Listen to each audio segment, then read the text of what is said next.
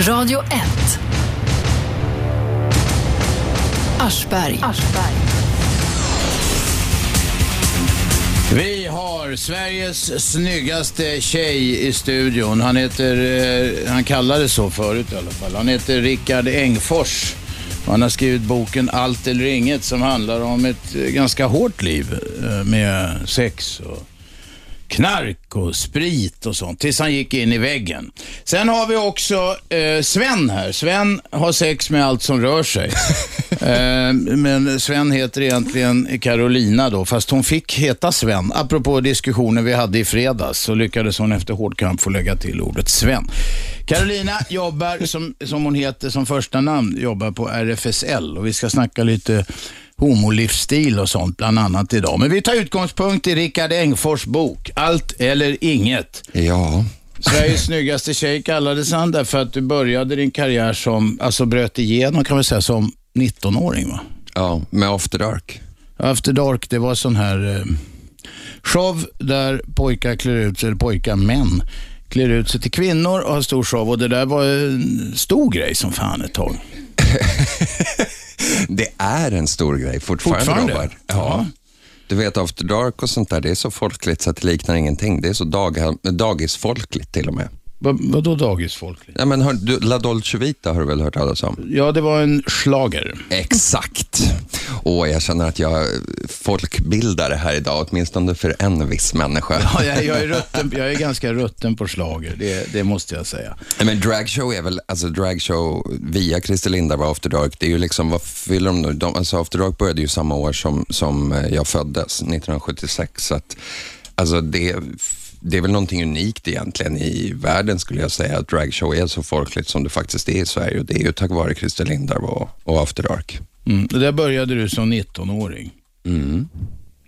Det var ganska hårt för en 19-årig pojk från Haninge att komma in i den där världen, pang bom. Ja, alltså jag är ju sådär, nu när jag har suttit och skrivit ner så här, mitt livs historia, när man inte ens är 35 år gammal, så, så har jag väl insett först i efterhand hur hårt det faktiskt var. Jag, eh, jag visste inte överhuvudtaget vem jag var när jag började med After Dark och eh, det, är inte, alltså, det var en ganska hård miljö, ja, men jag tror att det som var jobbigt för mig var att jag gick in med helt fel inställning från, redan från första början.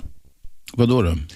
Men jag, jag hade ju till att börja med hade jag ju mindervärdes, full, totala mindervärdeskomplex för att jag kände liksom inte att jag hade någonting egentligen att erbjuda. Eh, och det är ju inte ett roligt utgångsläge när man ställer sig med människor som har en lång, lång karriär bakom sig när man börjar.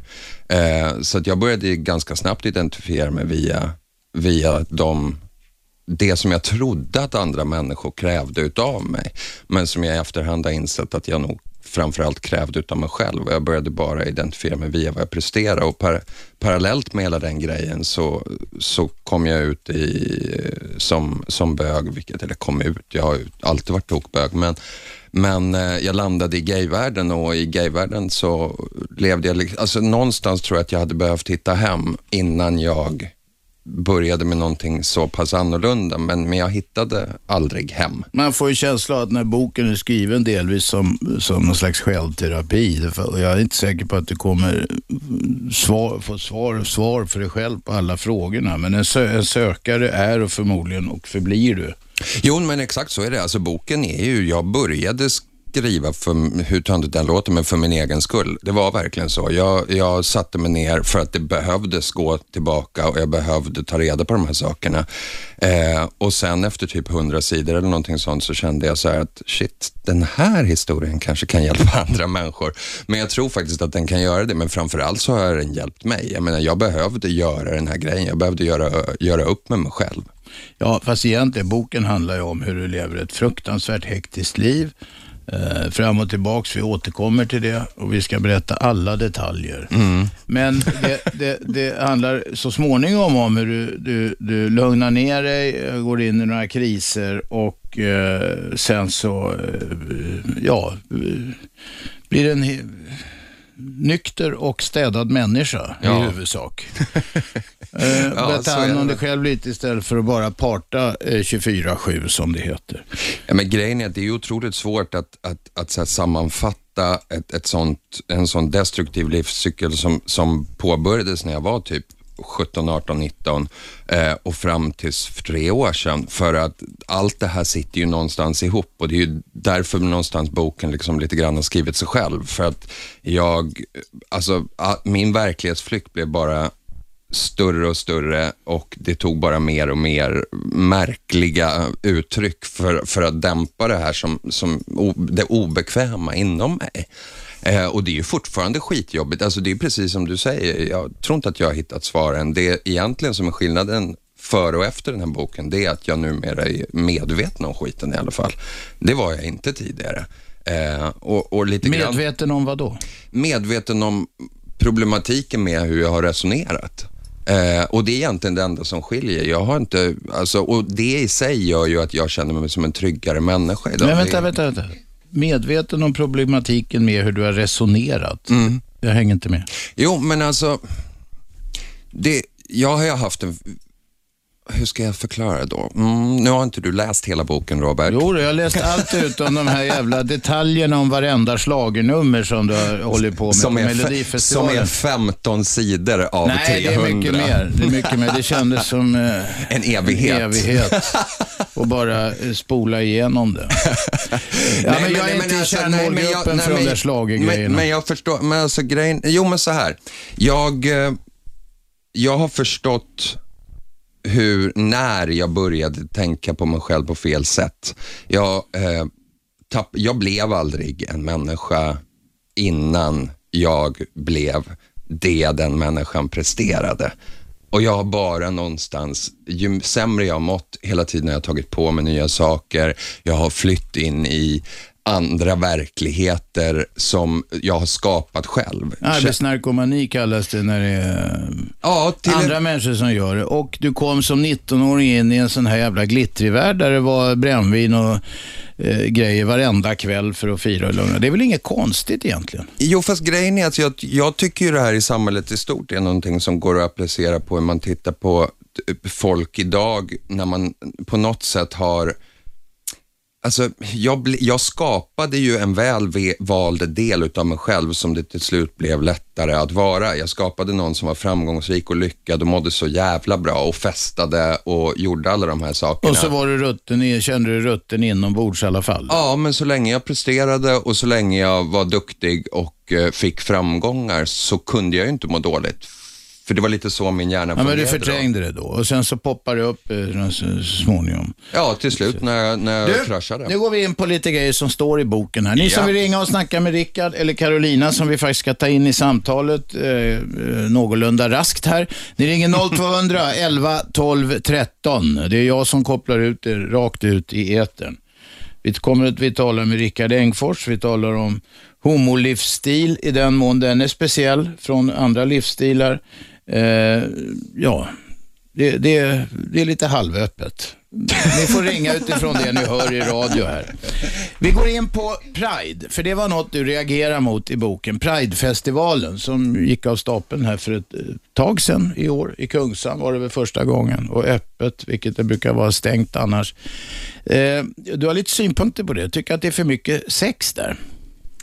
Alltså, jättesnabbt sammanfattat så kan man väl säga att jag absolut tycker att det är lite för mycket sex, men jag kan tycka överlag att, och det är ju alltid farligt att generalisera, men det måste man göra om man ska diskutera. För debattens skull får vi måla med bred pensel. Exakt, och då ja. tycker jag att vi ibland i, i gayvärlden kan ha, eh, framförallt bögar tycker jag, en tendens att fokusera lite för mycket på, på knullandet istället för eh, kärleken. Och eh, det är väl någonting som, som jag haft svårt att förhålla mig till. Som, som egentligen, hur, det här låter jättemärkligt eh, när jag har levt så jävla konstigt som jag har gjort, men jag är egentligen en ganska så här pryd och normal kille egentligen. Så att, eh, nej men jag, jag tror någonstans att jag har haft svårt att se det där behovet. Jag fattar Men i boken, innan vi släpper in Carolina här, så ja. i boken så skriver du att, att du på något vis kan förstå att folk reagerar på att folk, säger paraden till exempel, blottar sig och sånt, vilket du resonerar om skulle kunna vara förargelseväckande beteende om det var andra människor som gjorde det. Ja, men så är det ju. Vad säger Carolina om detta resonemang? Ja, alltså jag förstår att folk kan bli väldigt provocerade av att man uttrycker sig, sin sexualitet eller liksom nakenhet och sådana här saker.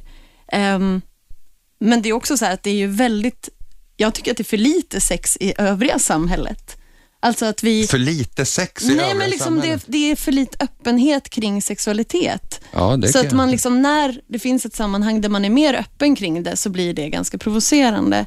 Ehm, men sen är det också så att det är ju typ, normala, en vanlig kritik är ju att samhället är så jävla sexualiserat. ja, men det är sexualiserat på ett sätt, men man pratar inte särskilt alltså, på ett seriöst sätt om sex. Det är ju liksom väldigt mycket kroppar och det är väldigt mycket så här, utseende, men det är ganska lite Men hur menar du då att man ska prata på ett seriöst sätt om sex? Talar vi om samlagsställningar? Alltså det kliniska sättet att tala om sex, eller vad menar du? Nej, jag menar resonemang kring så här, vad, är, vad är sex, vad, hur, är, hur har man sex, hur kan man uttrycka sin sexualitet? Um, vilket vi gör i det är ju HBT-samhället samhä- Jo, men det är ju i samhället, det- är ju i samhället, om vi då tar den, men det är ju, den kan man egentligen ta bort för det samhället i stort. Ja, Mm. det, det är ett problem att inte snackas om sex på ett vettigt sätt, med, framförallt med unga där alla tror att man ska ha så här porrfilmsex när man går i mellanstadiet. Mm. Men det är ju egentligen en helt annan diskussion och jag är verkligen inte sådär den som, vilket också framgår tydligt i boken, jag tycker inte bara det här som vi just sa. Jag tycker, precis som du tycker också, att det finns fördelar med det. Men jag tycker att det är lite märkligt att ge omvärlden bränsle på det sätt som vi faktiskt gör. Ge våra kritiker Bränsle saker. till vad då? Ge våra Att, kritiker... att, att odla fördomar om homosexuella, eller vad menar de? Bränsle ja, till ja, vad? att, nej men alltså någonstans är det ju så här, jag tycker inte att man ska stå på ett lastbilsflak och visa kuken för folk. Liksom. Jag tycker inte att någon ska göra det oavsett läggning. Eh, för att ett, man, det är olagligt och nummer två, jag tycker inte att man ska göra det rent sådär bara Carolina, som tycker människa. du att man ska det? Ehm, alltså jag tycker att man ska få göra det, ehm, men, men Men grejen... då är det ju fel på svensk lag i så fall. Eh, ja, till viss del Ah, kanske. okej. Jag vet inte. Vänta, men, vänta, Carolina. Men får jag bara säga. Carolina, men, men man jag- ska jag stå en på lastbilsflak och visa jag, kuken. Nej, jag menar inte att alla ska göra det, men det blir också en väldigt stor fokus på de som gör det? Det. Ja, men det är ju just det, det- som är det min det- poäng. Det är ja, det men- som är min poäng. Varför tar inte de sitt eget ansvar? Varför fattar man inte att det blir ett stort fokus på det här? Varför, Varför vill tar de man inte själv på sig kalsonger? Men man Ja, kanske, det man kan kanske man är trött tycka. på att vara helt normal hela tiden resten av Jo, men det är ju just det som är grejen. Man kan inte å ena sidan, tycker jag, stå och säga så här, acceptera mig för den jag är, eh, jag är högst normal och nästa sekund vara trött på att vara normal. Men det är inte riktigt så Nej, som men- stora delar av HBT-rörelsen säger, det utan det är liksom we're here, we're queer, get used to Ja, it. men liksom. just därför tycker jag att det pajar väldigt mycket när de, folk står och visar kuken på ett lastbilsflak. För att det tar bort fokus från den viktiga diskussionen. Där fick du Carolina. Ja, jag vet Så inte. är det. Ja, Jag är pryd. ja. Är du det? Ja, faktiskt så är det. En När det hel, gäller del, sånt en hel del i boken det. tyder på att du inte har varit det jämt i alla fall. Nej, men det var när jag hade string på mig och en bh, vet du. Straighta killar och jag, vi gick bra ihop. Ja, just det. Det är mycket om hur du har raggat upp eh, vanliga heterokillar som gick hem till frun eller flickvännen efteråt. Det kommer lite mer om det alldeles strax. Vi ska ha reklam nu. Ring oss på 0211 12 13. Jag plockar upp samtal i reklamen. I studion Rickard Engfors som har skrivit boken eh, Allt eller inget som handlar om det vilda liv han levde till han blev lite mer Svenne Banan. Sen har vi Carolina Orre här från RFSL som ska tala homo och bi och trans och eh, queer och är det några fler bokstäver? Livsstilar, det kommer säkert fler bokstäver. Vi är strax tillbaka, jag heter Aschberg, det här är Radio 1. Radio 1. Aschberg. Måndag till fredag 10 till 12 på 101,9 Storstockholm på radio1.se om ni lyssnar via nätet eller på den telefonapp som är gratis och funkar alldeles utmärkt där det finns 3G, tredje generationens mobiltelefoni. Rickard Engfors sitter i studion. Eh, Efter ett liv med sex och sprit och droger så fick han panikångest, gick in i väggen. Vi ska ta det bit för bit. Nu är han en eh, lugnare människa och eh, han söker väl fortfarande efter sig själv. Men den här, alltså han teraperat sig genom att skriva boken Allt eller inget. Carolina Orre är här. Hon är från RFSL. Det är de som drar, höjer fanan och drar en lans för alla ho- homo, bi och trans och queerare. Och det kommer säkert fler så småningom. Det har blivit fler. Det började med H, Ja. sen kom B, alltså bisexuella fick vara med och leka. Ja, först fick kvinnor vara med också. I början stod H bara för, För män. bögar? För, alltså flatorna var uteslutna. Ja, okej, då blev det jämställt. Då fick eh, flatorna komma med och sen kom bi och sen så kom trans. Det är de som eh, klär ut sig va? Ja, eller könsöverskridare Och på olika köns, sätt. köns, allt från de som bara klär ut sig. Eh, Till folk som, som känner att man inte du, har vad fan, ett det kön. är många män som klär ut sig till kärringar när de kommer hem och sätter på sig kjolar och skit. Men finns det tvärtom också? Hur menar du? Kvinnor Tvärtom. som klär ut sig till män? Alltså det finns ju, absolut, det gör det. Eh, Det, blir ju, det är ju svårare att som kvinna så här, ta på sig saker som, som Det är... kan vara rätt svårt för en del grova gubbar att ta på sig pimpinetta-kläder också. Jo, jo, men jag Fast menar att det, det är det ju är liksom, ja precis, det är mer manliga kläder accepterat på med, kvinnor i vanliga Ja, det är samhället. accepterat. Det, ja, och det finns mer kläder som passar. Liksom, så att det är ju svårt att säga så här, ja, men den här personen är transvestit eller den här personen tycker bara om att ha... när det gäller kvinnor då har de en fördel, för det kan till och med vara ett mode att de går med kostym och slips och sånt där. Ja. Så det är lite Så orättvist vissa personer där. kanske är transidentifierade medan vissa inte alls är det. Nej, okej. Tänk på det när ni ser eh, kvinnor i tv som har eh, kavaj och slips och så. Det kan vara en trans. Typ 90 procent av världens Och politiker. sen är det Q då som kom till. Eh, Q, vad heter det? Queer. Mm. Och det är könsöverskridande på något sätt. Man kan väl säga att man inte riktigt bryr sig om det här med kön så mycket. Att inte det är så viktigt. Fast Varken för en själv eller i sänghalmen gör man väl det? Inte nödvändigtvis. Vadå, har de inte sex alltså? Jo, men man, har, man kanske har sex med en människa, men det spelar inte så stor roll vilket könsorgan personen har. Nej, nej, men de ska ha ett i alla fall. Ja, de flesta har ju det. Ja, ja, de flesta har det. De flesta har det, men något, något slags organ ska det finnas.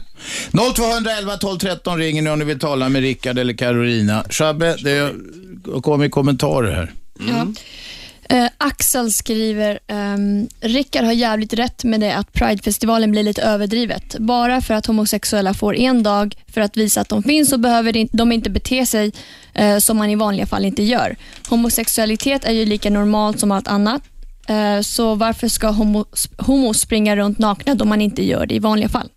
Vad hette han? Axel? Axel Söderbäck heter han. Axel, alltså grejen är ju så här, jag, kul att du håller med mig, tack. Jag håller med dig också, men det är precis det du säger just nu som också är orsaken till att folk faktiskt står på ett flak och visar kuken. Även om jag tycker det inte är rätt, så är det fortfarande så att det behövs att vi är här och att vi visar upp det.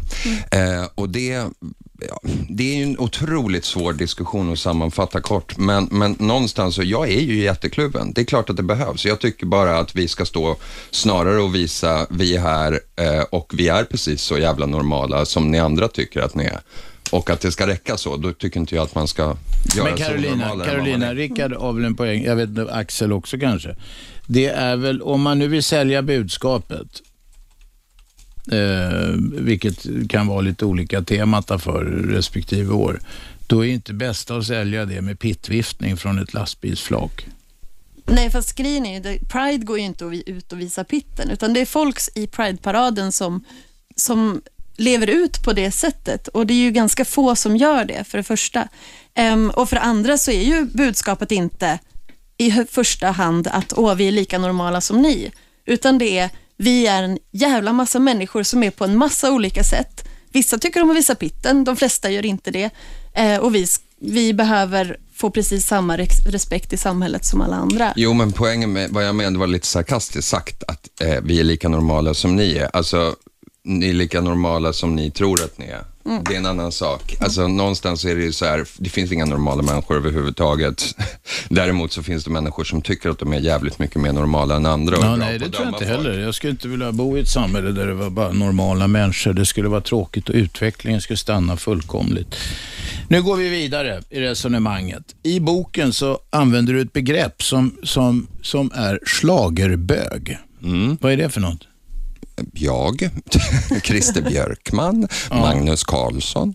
Eh, nej men alltså, det, det är väl ingen hemlighet att bög, många bögar, för att generalisera igen, tycker att det är toppen med slager och att eh, gayvärlden, framförallt bögarna, har eh, någonstans hållit den här tävlingen levande under många år där den, där den faktiskt eh, var väldigt så här, bespottad. Vi har en ringare med. Vem är där? Byt ämne. Hej då. Lisa, alltså, vad fan ringer Slå av Nej, nu ska vi radion då inte, för by- fan nu Lisa. ska vi inte Nej, byta byter ämne inte. Lisa, jag älskar schlager. Så Då ska vi gnälla bara. Ja, fortsätt resonemanget. Schlagerbög. Ja, är det bögarna som har räddat schlagern? Ja, men på många sätt så är det ju det, är det bra eller dåligt? Ja, det är, det är upp, till, eh, upp till omvärlden att bedöma, men, men eh, alltså någonstans så, vi har ju alltid älskat den här tävlingen, eh, vi schlagerbögar, även när den inte var så stor som den är idag. Varför det? Alltså det är ju någonting med det där som bara är så toppen med glitter och glamour och tonartshöjningar och, ja, Jag visst tänkte precis säga tonartshöjningar. Ja, det finns, det är liksom någonting. Det är Man en liten- vet vad man får. ja, Tre minuter, det är lagom. Ja, tre minuter är lagom och det är liksom allt på en och samma gång och det är lite för mycket av allt och det är lite dålig smak här och där. Nu har det ju förändrats väldigt mycket. Det har ju blivit betydligt mycket mer klass på saker och ting de senaste tio åren än vad det har varit innan. Men det är ju någonting med alla de här för mycket hår och för mycket smink och för mycket av allting och det där tycker vi är toppen. Mm.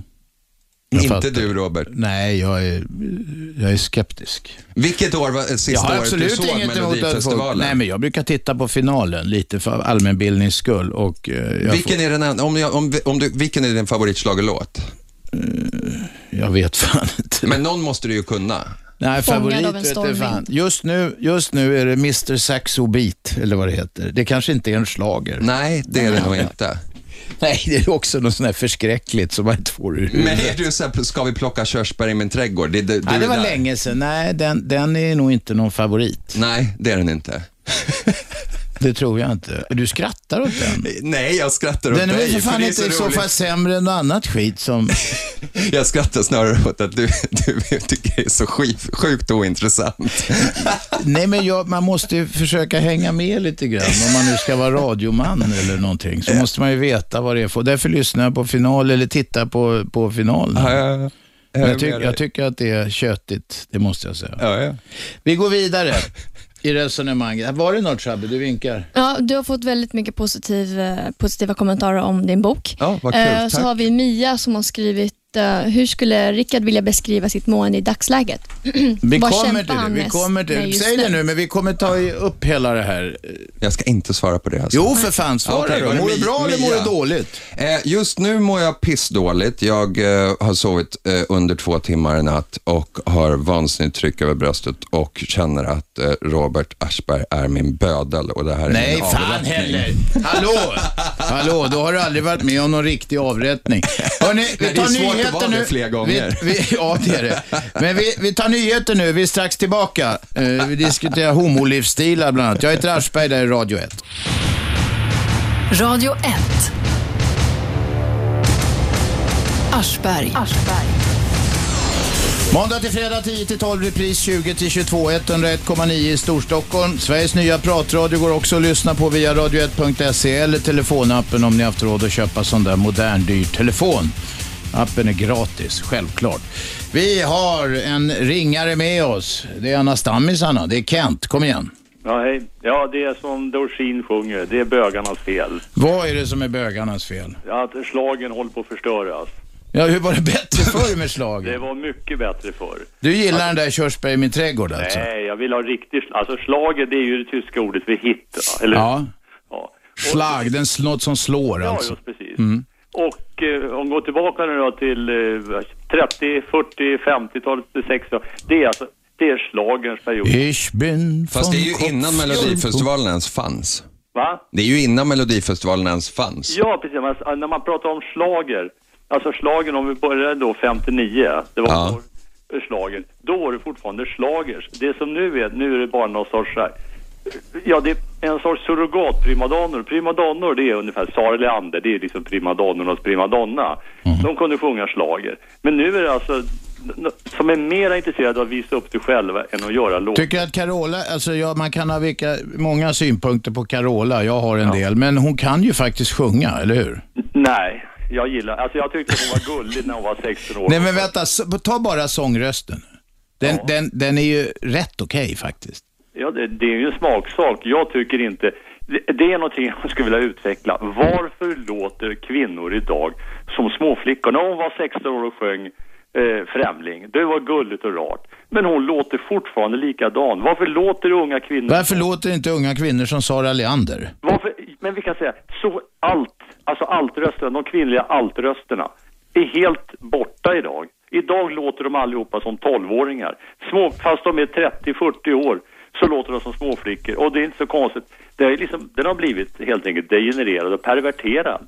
Och det är bögarnas fel. Ja, jag tror det här är bögarnas fel. De borde ju i sådana fall, de ska ju vara bariton men de har väl snarare övergått till någon sorts altröst med lite mera... Det är därför du har, du, har, du har listat ut hela grejen. Det är det som är, det är, det som är grejen. Vänta. Vi vill inte ha konkurrens. Kent, du tror inte att det är, du tror inte det är någon konspiration? Nej, jag tror inte det är en konspiration, men jag kan, tycker inte att det är slager man sysslar med idag. Lyssna Vad vill du kalla det? Vad vill du kalla det? Ja, pop. Pop, ja. Det är inte, det är inte Det mest slager. vidriga. Ja, slager. Vad tar Anita Lindblom? Där hade du okej. perfekt. Alltså, det Kommer du ihåg Basker Blå? Ja, fast det var väl inte direkt någon slager. Det var ju någonting som Ja. gröna baskarna från början hade som kamplåt. Ja, de blå baskrarna blev det väl, ja. Green Parade heter. Ja, ja, och så gjorde hon det med för FN-yxorna, en sån. Ja, men alltså det var ju en men hon har gjort så många andra bra låtar. Men Ja. alltså, så, det, Ska vi gå minnenas allé lite grann, Kent? Jag min, Säg någon bra. Så, en slager, det ska vara en, en, en riktig slager. Det ska vara en bra text och en melodi som du direkt det sitter som en smäck. Men idag är det inga slagers. Idag är det bara pop och så är det så de här primadonnorna som ska försöka göra sig till någonting som de inte är. Ge ett bra exempel då. På vad då? På en bra schlagerlåt. Ja, jag säger det om, om du... Om vi, om vi tar modernare då, om vi ska säga det, som Vikingarna som har gjort och många, det är liksom slagers. Är inte det är- dansbandsmusik? Ja, ja men kallar det för dansbandsmusik. Det är alltså, det är någonting som sitter direkt, du kan alltså vissla den. Kan du vissla den, då är det en slager. Mm. Det är ett enkelt, det är en melodi. Idag är det inte melodi. Det är lite som när Beatles kom. Vuxna tyckte att det bara var skränigt. Ja, För det- långa luggar. Och lite långtårigt och skränigt. Ja, men det var ju liksom en, en annan sak. Men det är just det, nu pratar vi om en slager. Och mitt, mitt kriterium på en slager, det är att du ska kunna vissla den. Men du, säg någon bra låt nu då, så vi får, förstår det här. Du får, du får sätta musik på dina tankar. Ja, man kan ta till exempel då, Jag kan inte längre höra syrsor. Det är ju liksom både poesi och slager utav Sara Leander, har jag väl hört någon gång. Ja, men det har ju runnit en del vatten under broarna sedan dess. gjort alltså. Men eh, om- om vi tar till exempel Halleluja, Israels. Ja, Det var, tycker jag var en alldeles utmärkt slager. okej. Den satt direkt. Den nu nickar Rickard där. Ja. Han Ja. gillar den. Ni kanske har ett gemensamt eh, musiksmak? Nej, jag bara, jag, alltså jag bara tyckte att det fan, började se någon logik här nu helt plötsligt. Ja, det- ja men då, för- då förstår du liksom vad jag menar med Ja. en melodi. Den ska kunna sitta. Det, de senaste exemplen tycker jag är bedrövliga att kalla det för slager. Jaha. Är det något speciellt du tycker har varit extra bedrövligt? Jag gillade ju de här Hard Rock, apropå Halleluja, Hard Rock Halleluja. men det de, det det var enda gången jag röstat. För jag är halvfinne också, jag höll på dem där. Jag tycker det var kanon och alla blev så arga och det gjorde mig ännu gladare. Och sen går de och vinner hela skiten, var det inte så? men Jo, jo. Du, du, där, tyckte, där sa du ordet. Jag säger det inte själv, men du satte verkligen sam. Det var prisvar. Det var en skock fekalier som hade klätt ut sig till troll där. Nej, det var det inte. Det var ett gäng fimpajsare som drev med hela skiten och det var det som var roligt. Ja, Fast men jag tycker ja. inte det är roligt med driften. Jag vill höra schlager. Du är väl tillbaka till Sara men Leander? jag nu- Lill-Babs, kan det funka? Är det för modernt eller? var ju naturligtvis, det är ju självklart en schlagerdrottning. Men jag måste bara fråga han nu som representerade... Rickard heter han. Ja.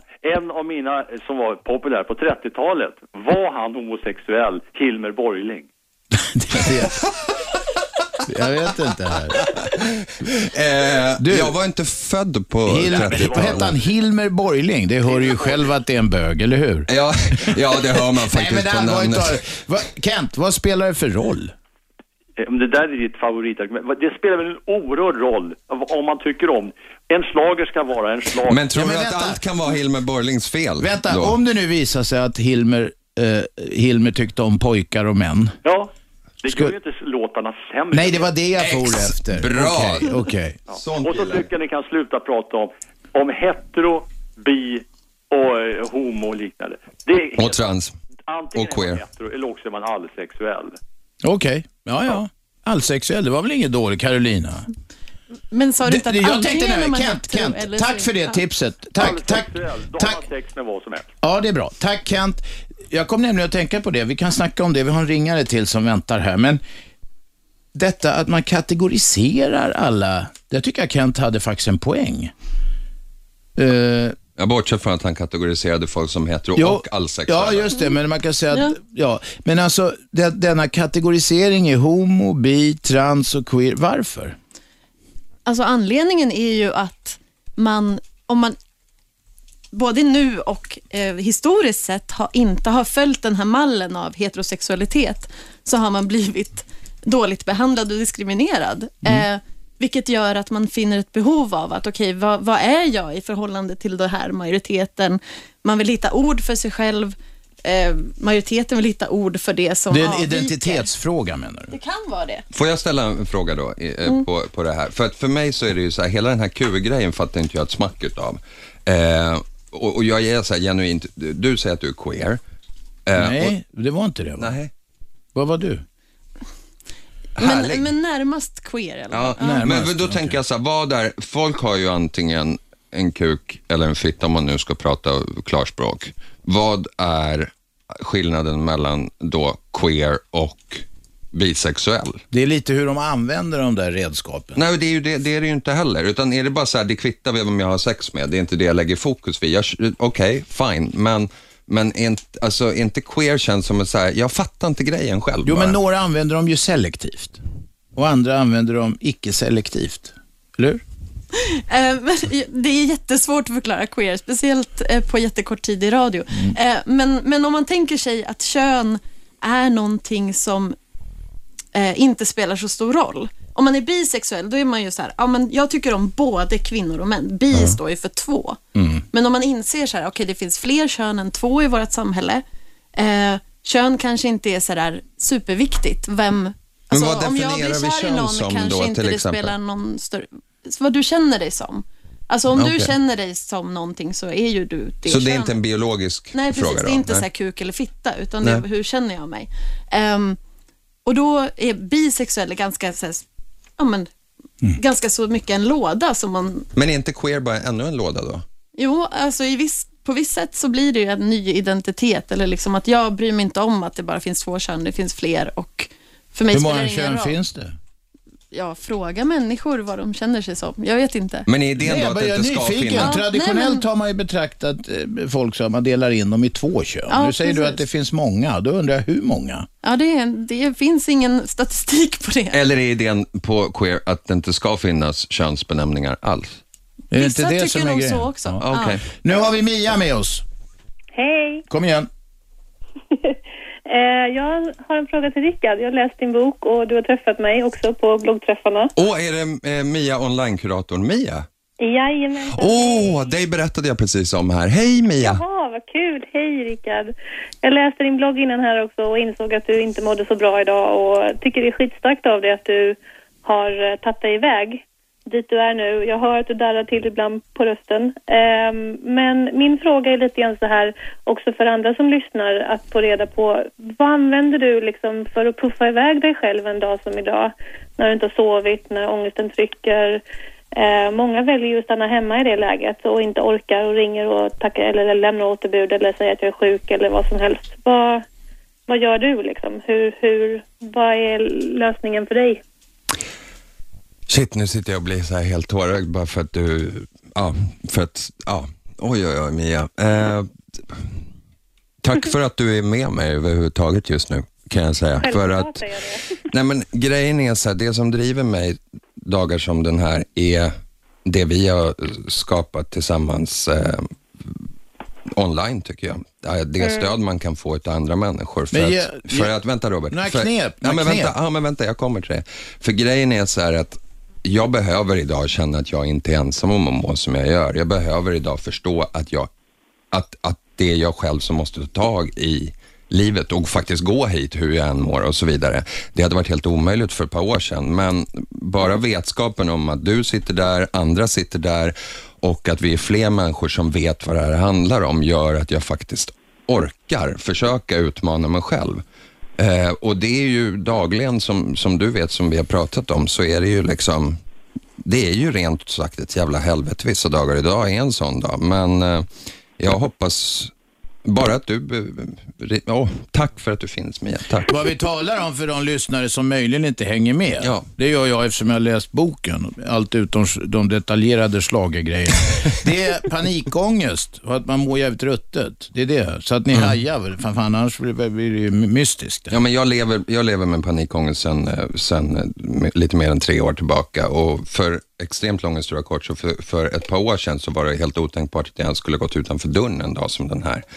Eh, det var på den tiden som jag ramlade omkull typ på Konsum och tuppade av för att jag var, klarade inte av, ens av att leva ett vanligt liv.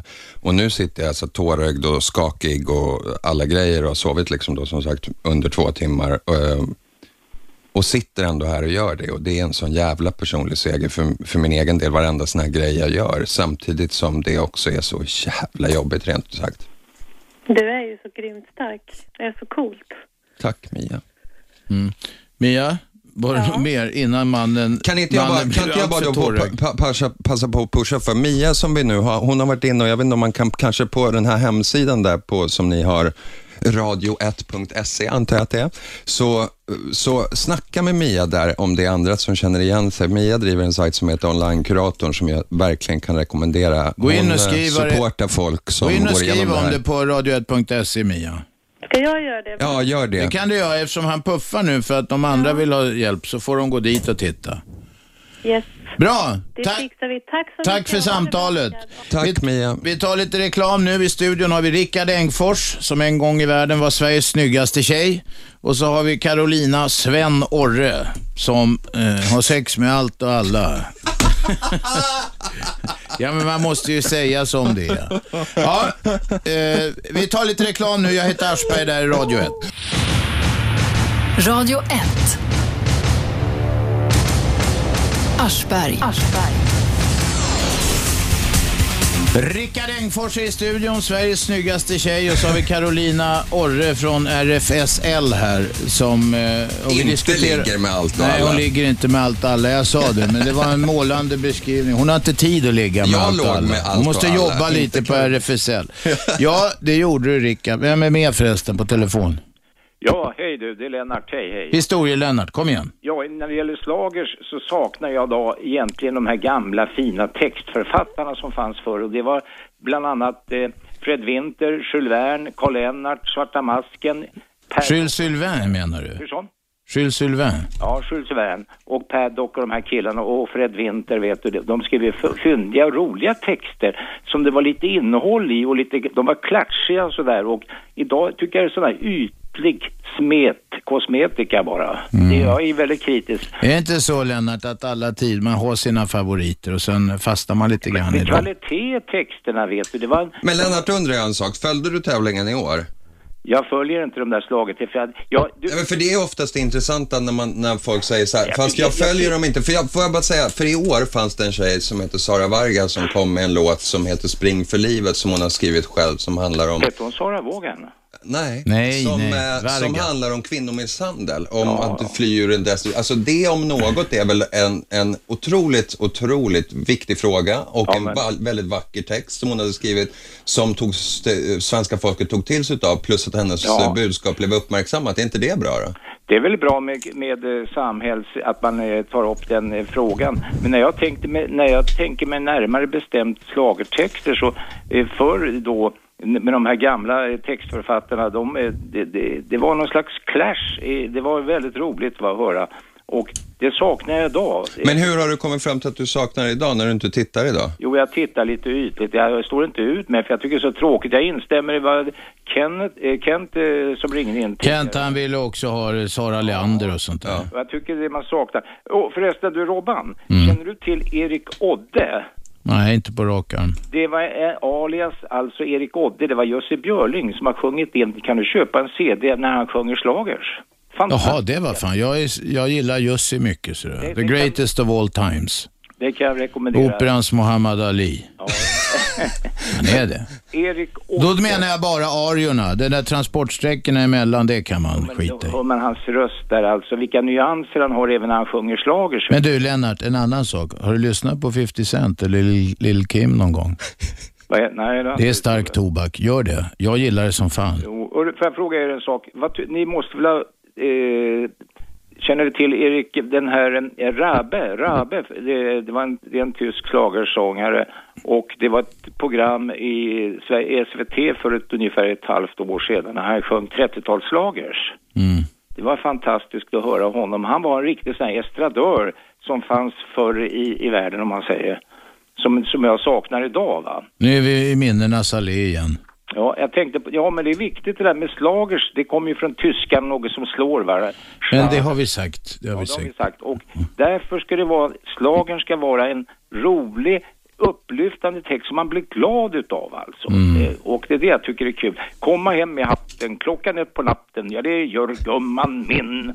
Ernst Rolf heter de här. Ja, han var bra. Ensam på en krog i Hamburg. Det är en riktig låt det. Jag vet det. Är, det är en eh, härlig låt va. Den, Ja. den sjunker man ner i. Vildandens sång, gillar du den med Tori Bernhards? Ja, Tore Bernhards var ju bra. Ja. Lennart, Ja. vi måste ut ur minnenas allé. Vi ska börja snacka panikångest här. Ja, det, det är väldigt intressant. Ja. Ja, tack. Tack för samtalet. 0211 12 13, ni som vill resonera om eh, slagers med Rickard Engfors eller Carolina Orre. Carolina Sven Orre, apropå namndiskussionen vi hade i, i fredags här. Nu får man heta i princip vad som helst i förnamn. Man får inte ta bort, Eh, rekapitulera vad vi sa i fredags. Vi hade eh, Lars Tegenfeldt från Skatteverket här som är jurist och expert på namnfrågor. Man kan lägga till vad som helst. Och Det var en, en transvestit som, som ville heta Madeleine som var den som, som drev hela frågan och som sen gjorde det fritt fram för Carolina att lägga till Sven till exempel. Så var det med det, men det var en utvikning. Eh, vad fan var vi? Panikångest.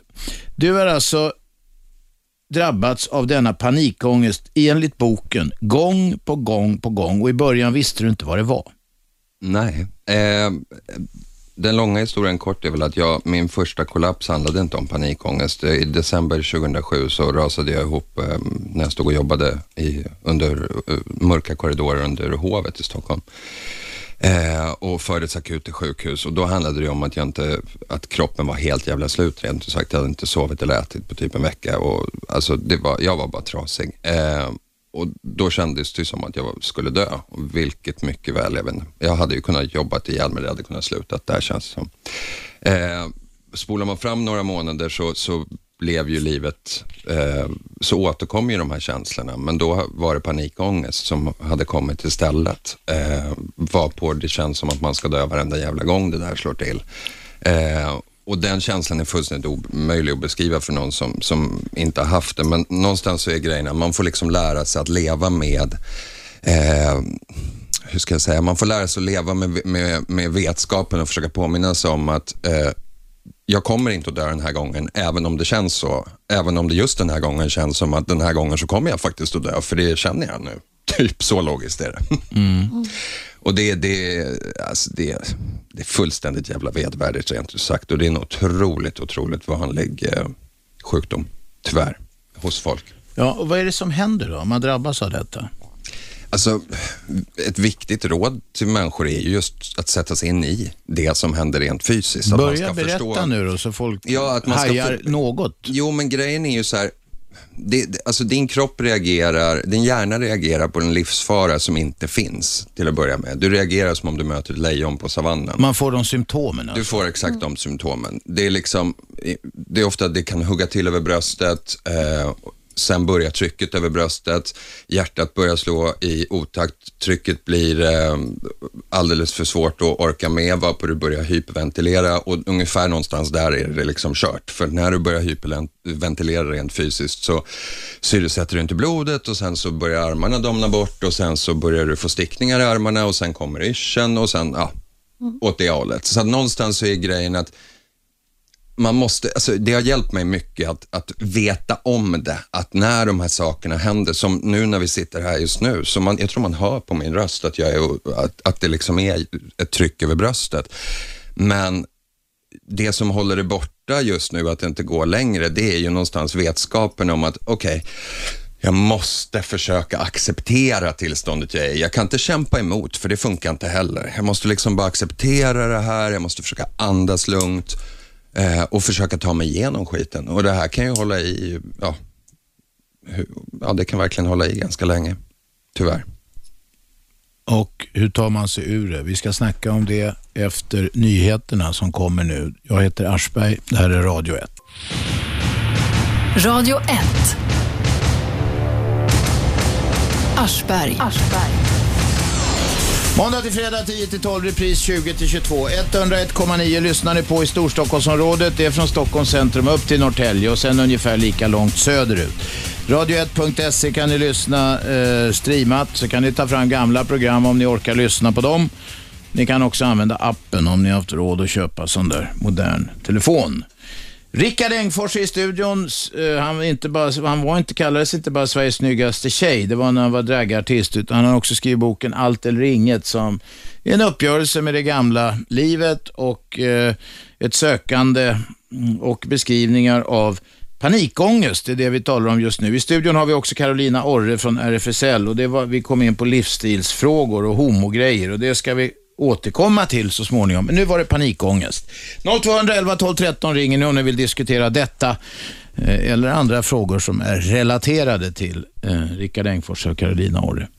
Var var vi någonstans, eh, Rickard? Panikångest, va? Du, du beskrev alldeles nyss hur det drabbades. Man tror man får en hjärtattack tre gånger om och eh, världen rasar ihop och sådär. Ja, och varenda gång som det återkommer så, så är det just den här känslan av att du vet att det inte är en hjärtattack, fast just den här gången är det det, för det känner du att den här gången är det på riktigt, nu kommer jag att dö.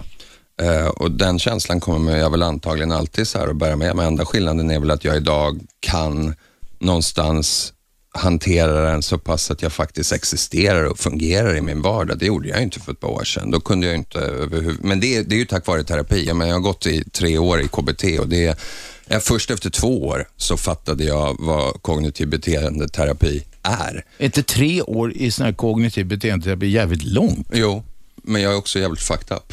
ja, ja, okej. Okay, okay. Nej, men för grejen är att det tog mig typ två år att fatta vad KBT är för någonting. För man pratar så här om att ah, men det är de här verktygen som man får och som ingen riktigt kan eh, definiera. Men grejen är att jag fattar nu varför. För att det går inte att definiera dem. En morgon jag vaknade för något år sedan så var de bara där. Helt plötsligt så gjorde kom jag på mig själv med att hjärnan hade gjort saker och beslut av sig själv och började fungera på ett annat sätt. Och det är ju så jag har lärt mig att hantera panikångesten till stor del. Mm, ändå sitter du och klagar att du, nu har du tryck i bröstet och, mm. och så vidare. Du har slaggat dåligt. Och, vad, hur hanterar du just nu då? Eh, jag sitter här. Det för mig är sjukt stor bedrift för min egen del. Jag fatt, jag, alltså, för en utomstående kan man inte mm. fatta det. För du eh, jobbar med såna här Producera, producerar kan man säga slagernummer. Allt från koreografi, kläder, idéer och hit och dit. Det måste vara rätt stressigt och det är en jävla massa knäppa divamänniskor som du ska hålla på och, och eh, jobba med och de kan ju vara hur knöliga som helst. Hur pallar du för det? Och sen sitter vi och resonerar lite avspänt i en radiostudio. Det här är ju inget farligt liksom. Och varför får du det nu då? Om du inte får, då borde man ju få, du får det tiofalt när du håller på att knöla med de här slagermänniskorna. Intressant poäng. Det är klart eh, att det är så och jag får det då också. Men eh, och jag menar, det har ju varit samma problematik där. Jag, fick, jag kunde ju inte jobba eh, med det under ett tag. Problemet för mig är väl som jag berättar om i boken att, att jag lärde mig att vara en liten del utav mig själv och is, eh, isolera mig själv och allting jag känner. Och det var ju det som fick mig till slut att krascha. När jag kraschade så så hade jag liksom, jag var inte hungrig, jag var inte trött, jag hade inte käkat på en vecka eller sovit på fyra dagar. Men det spelar ingen roll, jag bara pågick. Jag var hur härlig som helst och bara jobbade. Och jag kan fortfarande nu när jag jobbar idag se att, att jag kliver in i den där fortfarande. Skillnaden nu är att jag är medveten om det, men det är fortfarande jävligt skrämmande att jag, jag var och jobbade på sommarkrysset här för några veckor sedan och Eh, ta med mig matsäck ut, för jag vet att jag aldrig får i mig mat när jag är stressad på morgonen och, och har så panikångesttryck över bröstet. Och så kommer jag ut dit vid halv tio eller någonting och så inser jag 19.30 när jag håller på att typ så här tuppa av att jag inte har ätit. För då känner jag ingen hunger. Då blockerar hjärnan allt som är någon form av mänsklig signal. Eh, Så att det är ju också det, är ju det som är utmaningen för mig att lära mig nu och fungera som någon form av Men är inom det inte så att citationstecken man, normal man, måste, människa. man måste lära sig vissa rutiner? Exakt. Man ska ha vällingklocka som han Skalman ungefär. Nu är Exakt. klockan si, nu ska jag ta en smörgås så jag inte blir kinkig. Exakt så. Ja, men så är Nej, det men så är det. Exakt Och där ska du egentligen ha en jävla pipsignal i telefonen eller någonting som säger hallå, nu är det dags. I produktionen jag jobbar med nu så har jag liksom sagt till våran, eh, en av människorna som håller ordning på oss att så här, ta mig i örat och sätt mig ner och tvinga mig att ät, för jag kommer inte komma på det själv. Men då är du ju inte hemma än. Du Nej, måste ju nej, lära jag dig inte- att göra den där skiten själv. Absolut, jag är absolut inte hemma och det är också det som är en viktig poäng att få fram för att nu när jag har gjort eh, PR inför eh, bokreleasen och i samband med det här så så är det liksom en så här vanlig formulering, så här, hur känns det nu när du har kommit fram? Eh, liksom, och jag bara, fast vänta nu, det är nej, jag har inte kommit fram alls. Enda skillnaden är, som jag sa tidigare, mellan innan eh, och, och efter den här boken och den här treårsprocessen är att jag idag är medveten om skiten. Nu ska jag börja ta tag i den. Mm. Ring oss 0211 12 13. Vi resonerar om panikångest, slagers och göka i olika former. Ja. Och vi kommer nu, nu har vi snackat om panikångest ett tag. Ska vi ta, ett avsnitt i boken heter Kukar blev mitt knark. Ska vi börja med det vanliga, traditionella knarket? Ja. Ja, jag knarkade en sommar när jag var 20. Eh, det Hon var dansade en sommar, jag knarkade en sommar. Jag knarkade Ja. en sommar eh, när jag var 20 och stoppade i mig alla möjliga grejer och hade hur kul som helst eh, och insåg ganska snabbt att eh, det här ska inte jag göra för det här är alldeles för roligt. Eh, och om man gör det dör man förr eller senare. Så att, eh, ja, som tur var har jag någon form av hjärnkapacitet, eller hade Okej, då var, det bara, var det bara en sommar då? Men, Ja. men det har ju slunkit ner rätt mycket brännvin där också. Det kan man säga. Men det var egentligen inte, alltså jag definierar mig inte idag som, som varken så narkotikamissbrukare, alkoholmissbrukare eller sexmissbrukare. Däremot så missbrukar jag vad som än hamnar framför mig. Och oftast så brukar det vara prestationer. Eh, men när jag inte har... Arbetsna- kan man säga att det är arbetsnarkomani i den mån arbets- begreppet är vetenskapligt? Det vet jag inte. Men Nej, men exakt så. Jag knarkar jobb helt enkelt. Eh, och när jag har varit ledig och inte kunnat knarka ett jobb så har jag eh, festat eller knullat eller ja, Man- sysselsatt mig det, med något. det, är det så att man, du söker kickar hela tiden? Ja. Du är ingen kille som ligger i hängmattan? Nej, förra sommaren var jag sjukskriven i två månader min psykolog för att öva på att göra ingenting. Och fy, ja, det, det kan jag förstå. Jag Ja. tror inte jag klättrar på väggarna som du gör. Nej. Eh, eh, och jag har inte kukar som knark. Nej. Men, Har du inte? nej, men jag har väldigt svårt att sitta still. Jag har ett trevligt landställe och jag har legat en halvtimme tror jag på de 16-17 år jag haft i en hängmatta. Nu hänger jag inte upp någon hängmatta. Det är meningslöst. Den ska ju bara tas ner när vintern kommer. Det finns alltid saker att göra och det är ju en helt annan grej än det man gör i vanliga jobb, så det kan ju faktiskt också vara en avkoppling. Exakt. Även om det Det man klart- känner tvång för vissa tråkiga saker, men man gör något annorlunda. Det är klart att det kan vara så, Man men... kanske kan kanalisera det. Ja, men grejen är ju, det är problemet är ju när du gör allting som dyker upp i ditt liv. Det blir ju ett missbruk om du maniskt börjar göra det. Och det går ju, om du åker ut till landet och bestämmer dig för att, åh, alla de här buskarna som är helt okej där de står. Jag ska rycka upp alla dem och sätta helt nya buskar och jag ger mig inte för, och jag tänker inte sova förrän det jag är klar verkar ju med det. meningslöst. Om nu inte buskarna är helt vesna eller döda eller fula. Eller, det bästa, man kan ju bara ta ner dem. Det kommer ju gräs. Ja, men då har du ju en sund inställning till det. Jag skulle ju antagligen ha ryckt upp dem och, gjort, och inte lagt mig förrän jag hade satt om allihopa. Nej, men det verkar ju meningslöst. Då ska Mm. man, det, det är ju inte konstruktivt. Man ska göra något konstruktivt. Man bygger något nytt Mm. eller gör något nytt. Eller i värsta fall snyggar till något gammalt. Men att bara är, alltså det där verkar, det verkar ju helt sjukt att Mm, göra och det är ju så. det man måste, det, och det är ju sjukt. Det är ju det som är mitt problem och det är ju det jag hela tiden måste, men det, har ju, det genomgår genom hela mitt liv så har ju all, alla intressen jag har hittat överhuvudtaget har jag ju blivit så manisk med och ska bli bäst på. Och sen efter en kvart så har det blivit ett nytt yrke på och en titel på mitt visitkort. Och det är ju därför jag inte kan idag när folk säger så här, som ni sa nu, vad ska vi ha för titel på dig på hemsidan? Ja, lycka till, jag har ingen aning. För jag låter ju som värsta mytomanen när jag säger allting konstigt jag har för mig att jobba med. Nej, jag vet inte. Varför skulle, lju- ljuger du om jobbet? Varför skulle jag göra det? Nej, men det finns ju så otroligt mycket människor som utger sig för att göra så mycket olika grejer. Och faktum är att jag gör faktiskt sjukt mycket olika grejer och jag har täckning för det. Men någonstans så är det ju inte hälsosamt. Jag tänkte det när jag läste din hemsida, så här, det är inte konstigt att han gick in i väggen. Nej. Åh fy. Nej men, det, nej, men så är det ju. Nej, men det, det, är, det är väl inte det att du gör olika grejer, utan att du gör då för mycket? Eller har de med prestationskraven? Jag, jag är ingen psykolog, men alltså, man, eh, som Clintan sa i någon av Dirty Harry-filmerna, a man's got to know his limitations. Clint Eastwood citat innan lunch. I love this. Han kan alltid formulera sig jävligt elegant. Ja, ja, ja. ja. Jag kommer ihåg en form, nu far vi iväg lite, men han sa så här, jag behöver inte mycket för att jobba. Jag behöver papper, penna, ett sexpack öl. Sen kan jag sitta i en garderob och jobba.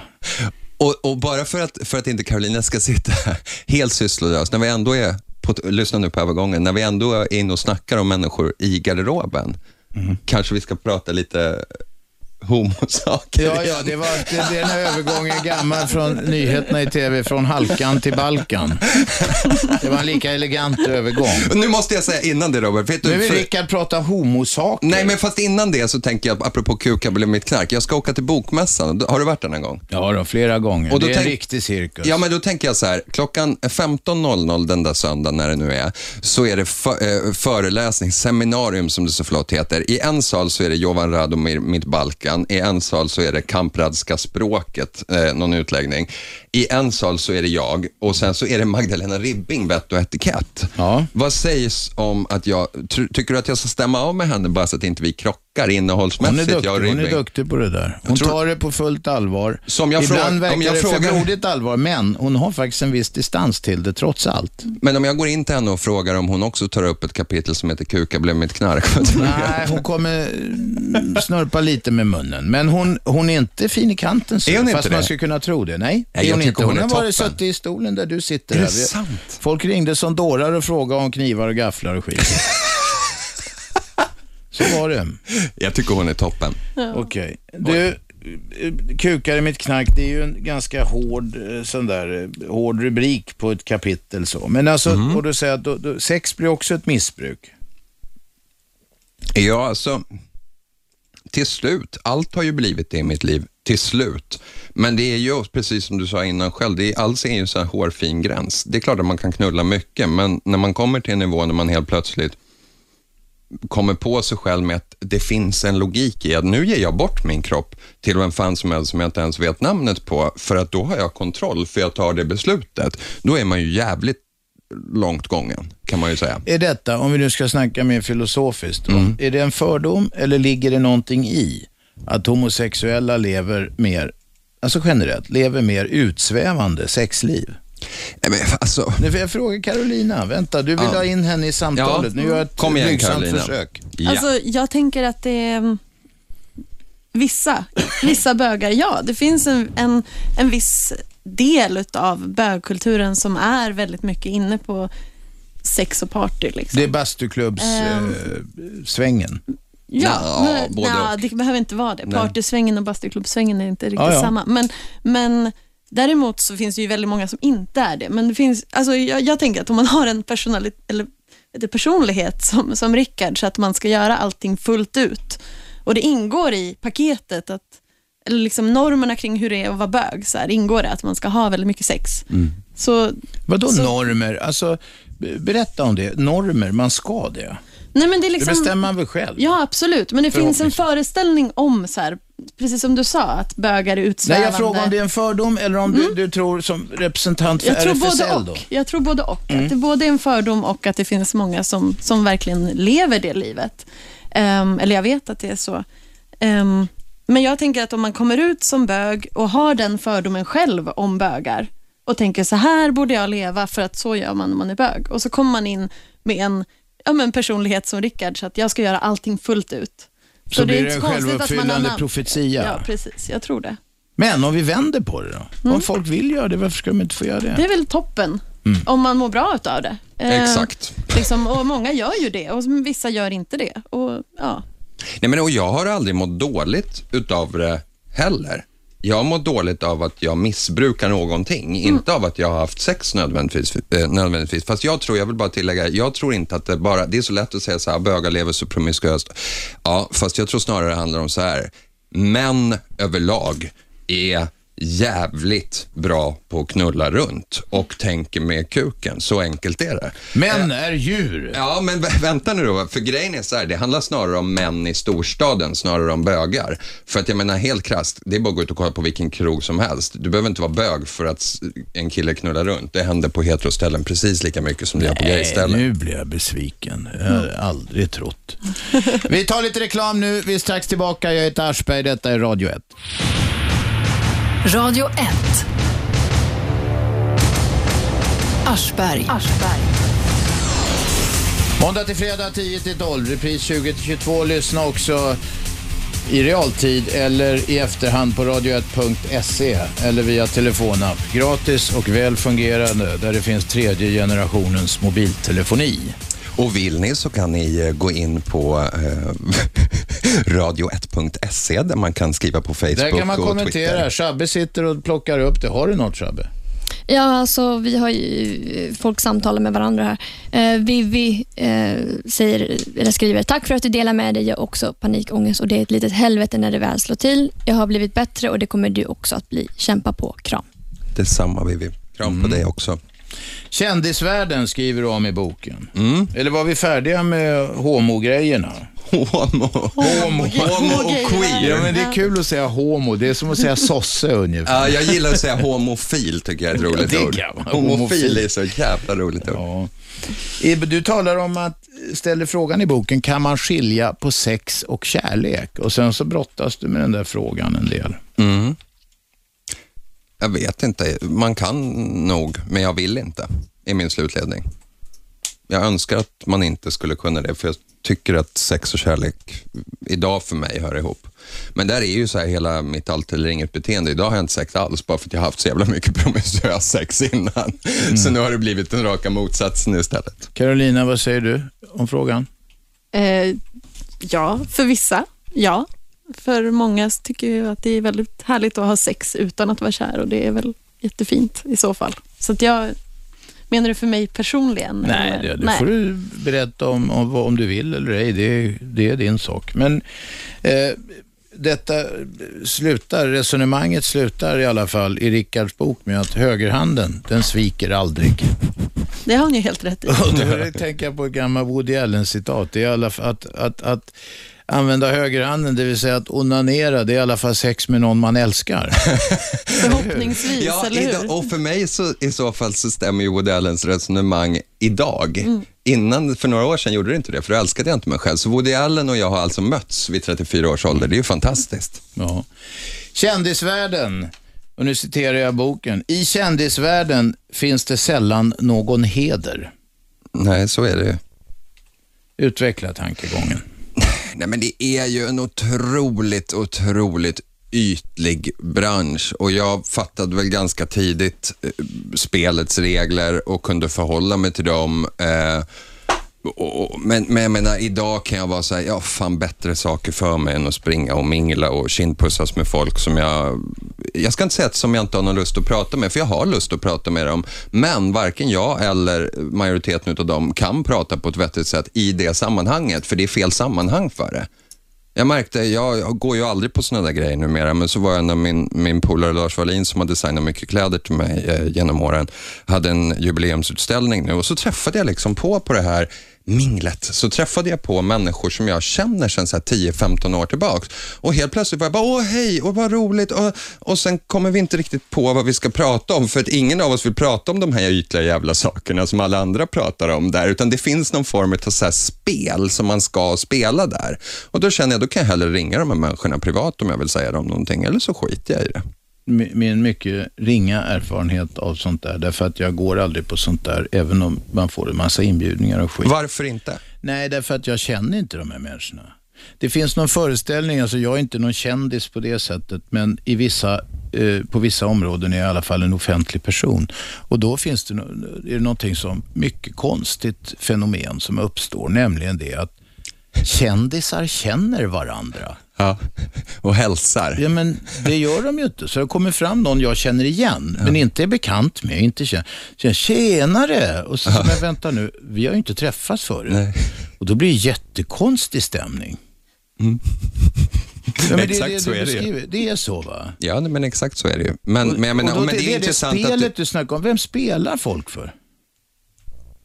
Ja, alltså en jävligt bra fråga, för det är ju liksom så här, man kan ju säga så här, ja, det är klubben för inbördes beundran, fast det är inte riktigt det det handlar om heller, bara. Det är klart att det är lite så också, att folk klappar varandra på ryggen och så, men det är ju inte unikt för kändisvärlden. Så är varenda jävla branschfest oavsett vad man jobbar Ja, med. visst, visst. Men, men eh, jag vet inte vem spelar, men det är intressant tycker jag när du säger så här, jag är inte den typen av kändis, för i min, i min bok så är du typ en, en av Sveriges absolut kändaste människor för att alla vet vem du är, alla kategorier. För du har gjort saker genom så här, ungefär sedan Vasaskeppet sjönk, typ. Åh herrejävlar.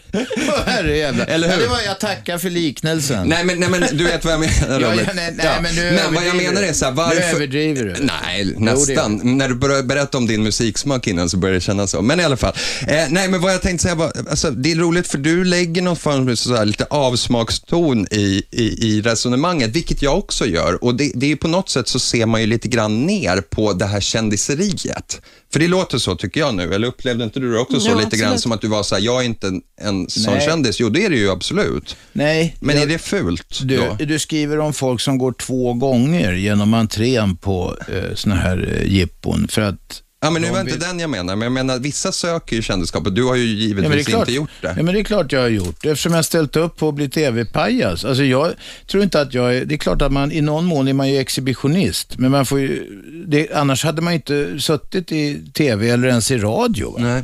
Så det är klart, det finns väl ingen anledning Men hur att, har du att hittat- hymla om det. Det är klart man är, men man kan ju försöka undvika att, att, vara- bli en superfjant. Liksom. Ja. Men hur har du, har du aldrig känt att du har behövt det rent jobbmässigt, alltså den delen, eller har du Nej, bara känt från nej, första början, nej, aldrig? Nej, fan, jobbmässigt. Att, att, att ha chansen att komma på någon jävla bild och stå med något cocktailglas i någon kändistidning, inte fan hjälper det mig i jobbet. Har det hjälpt dig? Ja, det har ju det tyvärr. Det är ju det som är grejen. Men, Men du det och jag är har ju två helt olika branscher, det går inte att jämföra. Nej, men det är därför jag tycker det är intressant med Roberts perspektiv. För att, jag menar, du kommer ifrån en helt annan grej. Du är journalist. Jag sålde gigs på att synas i veckopressen Precis, med det en helt- drink det i går inte handen. att jämföra. Mm. Nej, men det är fortfarande intressant att få fram båda sidorna, för det är också det jag menar med de här, den här världen när man står där. Ja. det finns många journalister och andra som kanske har en helt annan Det finns avstamp. många är, journalister, det är ofta ett jävla pack. Vem är med på telefon? Ja, Per-Erik här. Kom igen. Eh, jag, eh, jag vill spåra in på slager igen här. Ja, jag vet. Vilket, det här är ett jävla... Se, Shabbe, vi får Du skulle göra... aldrig ha öppnat Shabbe, den. vi, vänta, vänta. Per-Erik, två saker. Shabbe, Ja, jag antecknar. anteckna. Mm. Schlager ska vi ha. Folk verkar i helvetes engagerade i detta. En annan, Per-Erik, det är så här. Vi ska ha nyheter. Kan du hänga kvar? Så blir det lite slagersnack igen. Vi kommer inte runt det. Jag heter Aschberg, det är Radio 1. Radio 1. Aschberg. Vad tycker du om Måndag till fredag 10 till 12, 101,9 i Stockholm. I studion idag har vi Rickard Engfors, Sveriges snyggaste tjej hette han när han var dragartist.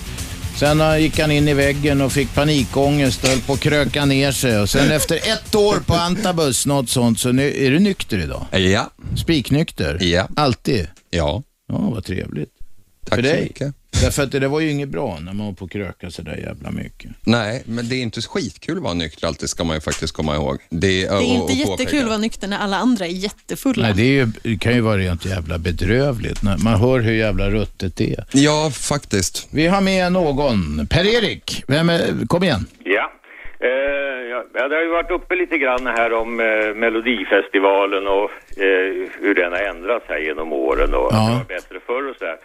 Eh, men eh, en klar tendens om vi ser kopplingen då till, eh, eh, till gayvärlden, alltså Melodifestivalens koppling, så är ju att eh, Eh, tidigare så var ju Melodifestivalen just en melodifestival. Det var alltså melodier som tävlade. Och det var, var det framförallt text och musik som stod i centrum. Och det som eh, jag tycker har kommit i centrum då, och det sammanfaller väl lite grann med att gayvärlden har så att säga omfamnat det här, det är att det är just det som kanske Rickard representerar, showelementen, allt det som ligger liksom utanför text och musik. Ja, ja, för, för det kom in någon jävel med en gitarr och rev av en låt förut. Ja, och nu är det stora nummer allting. Ja, alltså det extrema var ju 1965 om man går tillbaka till den forntiden. Då var det ju, då gjorde man, gick man så långt som man hade en artist som sjöng samtliga låtar. Ingvar Wicksell var det som sjöng. eh, Ingvar Wicksell? Och sen var det väl någon annan, så var det. Kvilla som fick representera, va? eller var det något annat då? När Lill-Babs och Sivan... Ja, ja eh, det, det var bara det året som man, som Ah, man gick så långt. Men, men även tidigare och, och senare så eh, är mitt intryck, jag har följt de här i alla fall sedan slutet av 50-talet, eh, att eh, de här yttre kringgrejerna med rökelse och belysning och... Rök menar du? Rökelse är det väl inte så mycket? Ja, okej, rök och fyrverkeri. Ja. Ja, he- hela det visuella showelementet så att säga, det, det har tagit över så att det, nu, nu spelar det så väldigt mycket större roll. Nej men jag håller med, alltså jag håller ju med dig, det är klart, och jag representerar ju absolut den delen, men jag skulle ju snarare säga att det är nog inte bögarna som är ansvariga för det bara i Melodifestivalen. Alltså det handlar ju, om- det handlar ju om samhället i, i övrigt också, att allting har blivit så i hela musikindustrin, så är allting hela paket numera. det visuella har tänk om blivit Lady mycket viktigare. Gaga, Ingvar Wicksell skulle stå och sjunga Gaga-låtar. Nu stod ju faktiskt Christer Sjögren och sjöng Lady Gaga-låt Ja, i ja. Sommarkrysset och det är väl det närmsta vi kan komma just nu, eller? Eh, Men eh, det, här har ju lett till också att eh, det, som kommer fram i Melodifestivalen, det blir ju inte slager på samma sätt som det blev då för ett eh, antal decennier sedan. Utan ser man till exempel på Svensktoppen som ju då mera speglar, ska vi säga, det rent, det som kommer ur högtalarna om vi säger så.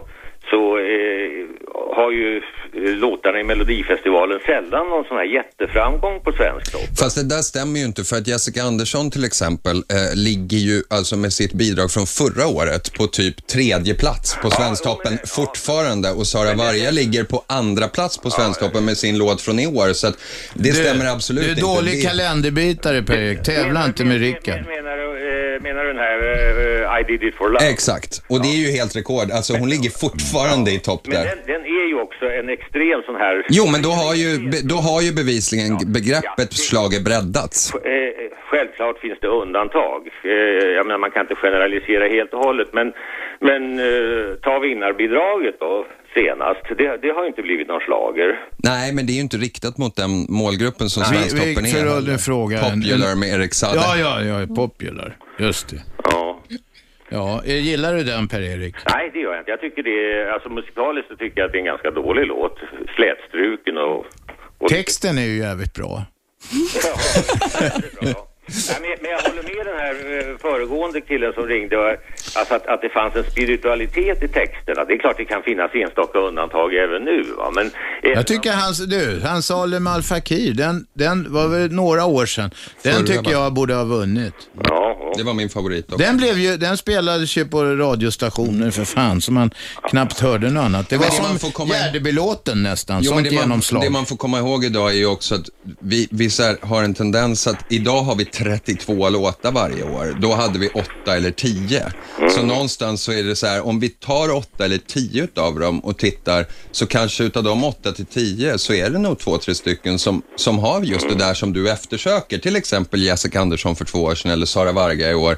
Så att jag tror inte att hela den traditionen har dött ut. Däremot så förändras ju den musikaliska bilden i samhället i stort. Ja, jo, jag håller med om det. Men eh, jag tror att det skulle vinna lite grann, alltså den, det här med alla deltävlingar, alltså, Mm. alltså denna inflation i, i, i låtar. Jag tror att det skulle vinna på att gå tillbaka till en lite eh, tuffare gallring. Det, det, men det är många som säger det. Samtidigt så sitter det, jag vet att så länge, det kan ju Robban säga som en gammal tv-man, att så länge man ratear, eh, alltså har 3,5 Ratear betyder att miljoner, många tittar alltså. så länge man har 3,5 miljoner tittare per program kommer det aldrig att hända att man Nej, tar det bort det. Per-Erik, vi ska ha nyheter nu. Bara en jättekort fråga på övertid. Gärdebylåten som jag nämnde förut, vad den, har den Gärdestad? varit- Nej, nej, nej. Gärdeby, nej, det? nej, vi är långt tillbaka, innan dina föräldrar ens hade. Gärdebylåten, har den varit med någon gång i Melodifestivalen? Nej, det har den inte. Den är, Nej. det, Melodifestivalen började Ja. ju 1958 och Okej. Göteborgslåten den är Ah. Ja, men jag ville bara ha svar på frågan. Tack snälla. Du, vi måste ha nyheter nu. Tack för samtalet. Tack, hej. Hej. Nej, det är inte nyheter, det är reklam, eller vad fan är det? Ingenting. Är det Är det ingenting? ingenting? Vi ska prata vidare. Shabbe, Vi ska, du, Shabbe, du ska ju hålla ordning på det ja, här. men jag har inte vinkat. Du snackar om mig. Nej, Hon okej. sitter bara och men vi skakar kan på snacka huvudet. på. Vi kan snacka Blir på. du så stressad utav det här med populärkulturella Nej, men fenomen? jag, fan, jag får panikångest. ja, okej. Nej, men vi snackar på. Vi var inne populärkultur, ja. Ja. Ja, ja jag blir jättestressad. när Vad vi är det du gillar bäst med Erik Saades popular text då, Robban? Nej, jag, jag tycker det är en idiottext. Ja, jag har en fråga till dig här, Rickard. Eh, har du någon anekdot där du hamnat i en situation där ragget trott att du har varit en tjej och när det var dags för kopulationens primitiva fröjd uppdagat att det var falsk marknadsföring? Det här är från Mikael. Om vi, om vi börjar med att konstatera så här, hela min dragkarriär eh, byggdes på två saker. Photoshop och att folk sen var fulla när jag väl stod på scenen. Eh, när man kommer nära mig som utan klackar är 1,85 lång eh, och jag står i ett öga klackar och är 1,95 lång och låter i rösten som jag gör nu så är det ingen människa som inte förstår vad jag har under kjolen, kan man säga. Men vänta ett tag, du har ju skrivit, skriver i boken om att du raggar upp en massa såna här vanliga heterokillar. Ja, ja, men det är en annan sak. Nu Ja, var det är inte så att de tror att han är kvinna för det. Nej, däremot så säger en del om hur... Nej, det har jag inte hur- sagt, men jag, jag, jag undrar Ja. hur, hur de, någon, någon form av attraktion har de väl förmodligen känt då, va? Ja, jag har väl sett ut som precis den så här porrslyna som de har drömt om i sina sex fantasier antagligen. Och hur hanterar de då att det hänger en liten pillegrej där?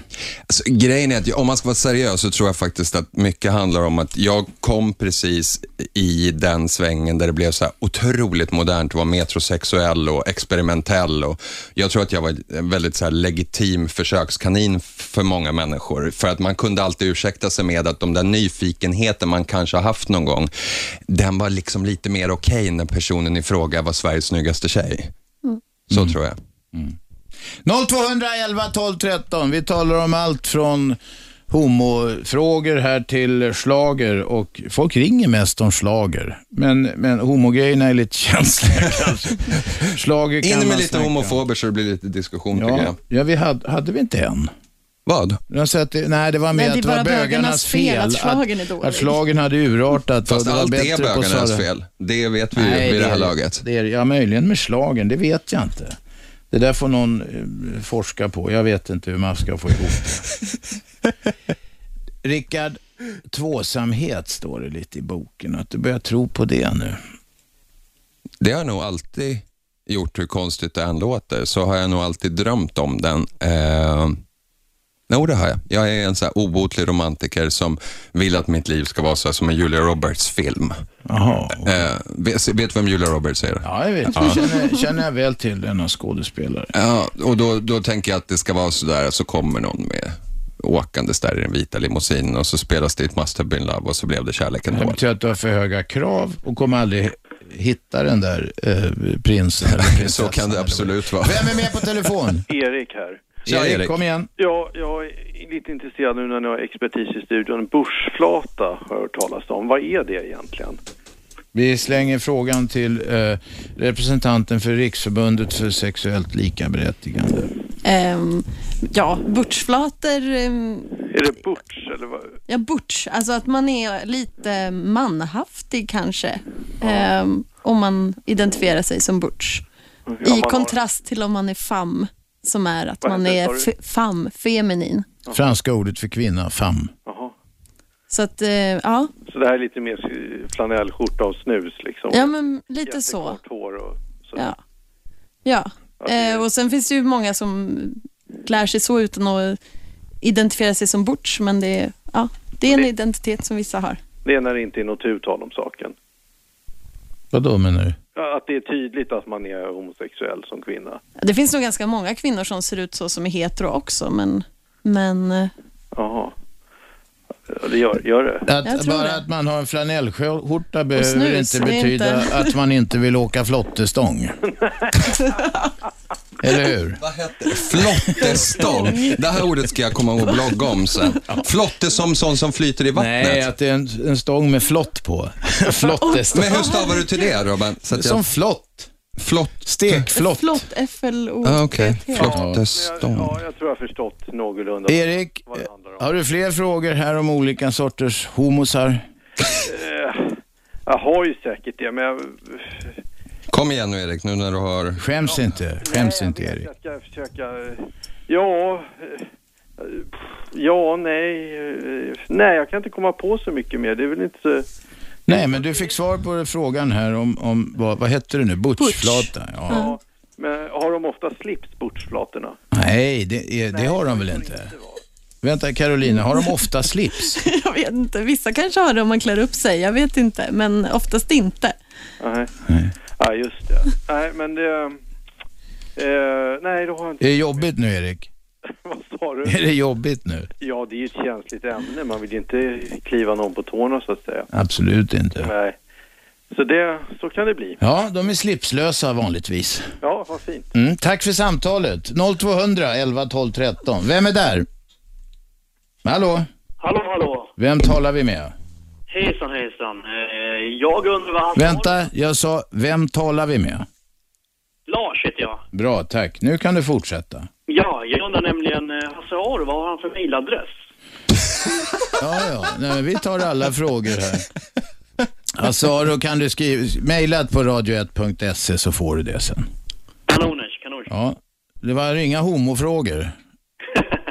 Homofrågor? Apropå Hasse menar jag. Nej, men han med honom endast. Ja, okej. Ha det så bra. Vad vill du Hasse annars? Kanske är det någonting vi kan hälsa vidare? Eller, eller är det så, du vill gå på dejt med Hasse? Ja, det det är mellan mig och honom som sagt. Oj. Ja, det är mellan. Vi, det är källskydd. Det är källskydd. Tack för samtalet. 0200 11 12 13 kan ni ringa. Nu ska vi ha lite reklam. Sen blir det slutspurt i det här programmet som handlar om Rickard Engfors bok Allt eller inget. Och eh, för säkerhets skull har vi även eh, Eh, stöd från RFSL här, Carolina Orre. Och det är inte Rickard som har bett om det, det var vi som bad om det. För vi kan inte skilja på alla olika bögar och flator här. Men vi fick, Erik fick reda på vad en butchflata var. Vi är strax tillbaka, jag heter Aschberg, det här är Radio 1. Radio 1. Aschberg. Aschberg. Det är slutspurt nu mina damer och herrar i dagens eh, homoprogram. Rickard Engfors är här, han har skrivit boken eh, Allt eller inget. eller inget. Så heter den, det borde man ju kunna lära sig. Jag läste den ju igår kväll. Allt utom schlagerdetaljerna. De var, det var väldigt detaljerat en del. Varenda nummer som Rickard har varit med och jobbat fick man, eh, ja. Nördfakta. Ja, det var nörd. Ni som älskar slager.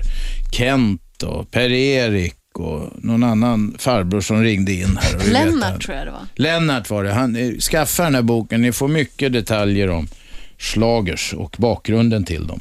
Carolina Orre i studion också. Hon kommer från RFSL. Ni ringer 0200 11 12 13. Vi har en eh, åtta minuter kvar någonting före sportvärlden. Så att eh, det är frågan om vem som ska få sista ordet. Eh, panikångest har vi talat om idag. Sex och kärlek. Att du har slutat festa, Rickard, efter att ha gått in i väggen och festat alldeles för mycket. Du är inte fjolla, eh, skriver du i boken också. Nej, men där kommer man ju till det här som, som Carolina var inne på innan, eh, när man placerar folk i berömda fack. Jag har ju aldrig någonstans, alltså på många sätt så är jag ju den totala stereotypa fjollan med, så här, jag är schlagerbög, jag älskar glitter och glamour, jag jobbar med det, eh, jag har jobbat med dragshow, bla bla bla, jag är inte manlig på det sättet eh, som Ett stereotypen försonande säger. drag är att du gillar att snickra. Ja, men och grejen är att sen har jag alla de sidorna. Som det, mina, min, min farsa ringer inte min heterosexuella polisbror som har tummen mitt i handen när han behöver hjälp med grejer eh, och liksom en extra hand. För han, är, han kan ingenting. Jag älskar att renovera, jag är händig som fan. Det är liksom, men det finns ju, som, precis som du, man är inne på, jag kanske ska identifiera mig som queer också från och med nu. För, för någonstans så är det ju så att de här stereotypa rollerna, jag har ju heller aldrig egentligen känt mig hemma i dem alls. För att jag har varit så väldigt mycket mer än den rollen någon annan har bestämt åt mig. Ja, men nu skriver den boken att jag är inte bara bög. Alltså det blir väl lätt så. Och det kanske blir extra mycket så om man identifierar sig som det hela tiden. Och jag vet att det har funnits ett förtryck av homosexuella. Det har funnits en nedvärdering av dem som har varit jävligt taskig. Det var ansågs vara en sjukdom in på var det 70 70-talet, nästan slutet av 70-talet och så vidare. Men om man då bara identifierar sig utifrån sexuella preferenser så blir det också fel. Det, det, finns ju mer vanligtvis i en människa än bara sättet att göka på. Ja men absolut, och jag tror inte att det är några som bara identifierar sig efter det. Bara det att det är det som omvärlden ofta ser. Exakt. Det är ju det som är problemet, att, att träffar man en heterosexuell person så är det inte det man tänker. Jaha, den är heterosexuell, ja men då måste den vara så här och så här och så här. Men jag är ju liksom, jag var ju aldrig en, het, en, en, jag var ju alltid en homosexuell artist. Precis. Jag var ju inte bara en artist när jag var någonstans. Nej, nej, och det är väl det, det som är problemet, att man ser det först. Mm. Jo, men herregud, när det är, när det är drag show så ligger det ju nära till hands. Absolut, och det är klart, det är därför jag säger att det är inte konstigt att jag landat i det facket. Samtidigt så kan man ju också någonstans bli lite trött på att, men jag fungerar likadant själv, så jag ska inte säga någonting. Jag är precis likadan nu när vi pratade om bordsflator precis innan. Jag har precis samma fördomar som alla andra har. Om, alltså det har vi ju alla lite till mans, helt krasst. Det, är bara, det har säkert du också. Jag menar, så, så, är det ju någonstans. Så det får man ju bara tugga i sig, men det, det intressanta är ju att börja snacka om det mm. och låta folk börja så inse att hoppsan, kanske inte var så stor skillnad egentligen. Mm. Nu ska jag citera boken igen. Nu, mm. nu, nu svänger vi. Och det, det här är ett direkt citat. Det finns inga som kan vara så elaka mot varandra som bögar. Nej, men så är det ju. Alltså bögar är ju liksom, alltså, tjejer som i, i tjejgäng är ju experter på att vara bitchiga och vidriga med varandra. Och försöka ta ner varandra. Ja. ja. Bögar är liksom det och ännu mer. Det, det, det, är liksom, det är en sån liten syförening. Men nu pratar jag igen vissa bögar mm. i vissa kretsar. Mm. Men det finns inom den här klubbinnesvängen, bla bla bla, så fick jag ju ganska tidigt känna på det. För jag var ju, jag klev upp på en scen första gången jag var på ett gayställe, så jag har liksom aldrig varit normal ens i gayvärlden. Liksom. Och det var väl lite det som också har varit ett så grundläggande problem för mig hela vägen i, i, i livet. Liksom att jag inte kände att jag hittade hem i den världen jag borde ha hittat hem. Varför nickade du när jag sa, citerade du boken, Carolina? Mm, det, vissa har en väldigt så här, hård och ganska taskig jargong. Ja, liksom, bitchy, som, bitchy jargong. jargong som jag som, ja, jag kände igen det när du sa det. Ja, nej men så, så, är, så är det ju. Den är ju på något sätt så här, den kan ju vara kul också, men, men den, det är ju alltid en balansgång. Och, och för mig blev den liksom, jag fattar ju att folk inte bitchade sig för att jag var värdelös. Däremot så mår man inte bra med sig själv så blir ju inte det där, då, blir det ju, då tar det ju extra mycket. Så är det ju. Vad beror det på att det är så då? I vissa kretsar säger vi nu så att ingen jävel eh, tror att vi drar alla över en kam. Jag vet inte, alltså någonstans är det ju så här, just i de här krets, i de kretsarna vi snackar om så tror jag att det mycket också handlar om avundsjuka, att det är där det bottnar i. Jag menar, man har ju alla någon form av, som vi snackade om innan, någon form av så här, eller alla har inte, men många har en exhibitionistisk sida, ett, men framförallt ett behov av bekräftelse. Och man drar på något sätt ett likhetstecken mellan ett kändisskap och bekräftelse. Eh, och det är ju lite det är ju inte helt sant att det är så. Ett kändisskap innebär ju verkligen inte någon form av bekräftelse, möjligen en ytlig sådan för stunden. Det beror på vilken form av bekräftelse mm. man vill ha. Exakt, men, eh, men jag tror att det kan det bottna i mycket. Att man kommer någonstans ifrån, man är osäker och för att passa in så börjar man bitcha och köra en attityd som alla runt omkring gör och man önskar man vore eh, den där som fick bekräftelsen, bla bla bla. Liksom. Mm, det där finns ju som sagt bland en del kvinnor, säkert också bland män, men, men jag tror att det är ovanligare där, alltså bland hetero-män faktiskt. De har sina sidor. Men att ta ner varandra, det kanske är det som gör att bidraget till att vi har ett manssamhälle, att, att de inte generellt, och det här blir ju jävla lösa spekulationer, men inte tar ner varandra lika mycket. Nej, så kan det ju absolut För att man kanske inte känner behovet av att klättra uppåt eftersom man redan är, har den positionen. Ja, ja då, visst. Då kanske det kanske är så det funkar. Men det är ju taskigt då om man är i minoritetsgrupper att man ska klättra på varann, mm. eller hur? Ja. Jo, men vad, gör ni åt det, vad gör ni åt det RFSL då? Eh, alltså vi jobbar ju jättemycket med hur är vi mot varandra i vårt community. Liksom snackar om de här sakerna. Folk är så Eh. knäppa så man måste lära dem att umgås med varandra Nej, på ett städat sätt. Men jag tycker man gör det för lite i alla möjliga sammanhang. Så här, vad har vi för normer här? Vad är det för, för liksom, saker som, som ehm, ja, men hur är folk mot varandra? Vi pratar för lite om det. Men, Men vi sen- pratar ganska mycket om det. Jo, men sen kan man väl säga, sen är det ju också svårt, för att jag menar, någonstans är det ju så här, man tycker så här, ja, i vårt community, bögar och flator då till exempel, som, som två delar av den gruppen, har ju egentligen inte ett skit gemensamt, bortsett från att vi är minoritetsgrupper. Alltså vi är ju väldigt extremt olika. Ja, ja, så att någonstans så blir det lite så här, man tycker att vi ska ha, sätter ihop oss i någon, och den måste ju vara jättekomplicerad i ert arbete också, för att man ska någonstans, vi måste Ja, hålla det enda sams. som, som liksom är samma för alla inom RFSLs målgrupp är att man bryter mot vissa normer. Exakt. Nu tar vi sista samtalet. Vem är där? Ja, hej, det är Lars. Lars, Hej. du har jävligt kort tid på dig. Ja, okej, jag tänkte bara, hur vet man att man är bög? Ah. Oj, ja, kort tid på oss. Lars, jag skulle säga att jag, i mitt fall så har jag alltid vetat det. Men på den tiden när jag var ung så, så kom man inte på, alltså man behövde inte vara sexuell förrän man började bli lite äldre än vad man är idag. Idag eh, tvingas man liksom ta ställning till sexualitet mycket, mycket tidigare. Men min tro är att jag föddes som homosexuell och att det är sån som jag är. Okej, men, men de som har prövat liksom, som du pratade tidigare innan, eh, liksom att man har, ja, folk som har Ja, men jag fattar, men, men, men grejen är så här, jag kan tycka någonstans om, jag har till och med dejtat med ett par olika killar där vi har, de har aldrig före mig och aldrig efter mig haft en relation med en annan kille.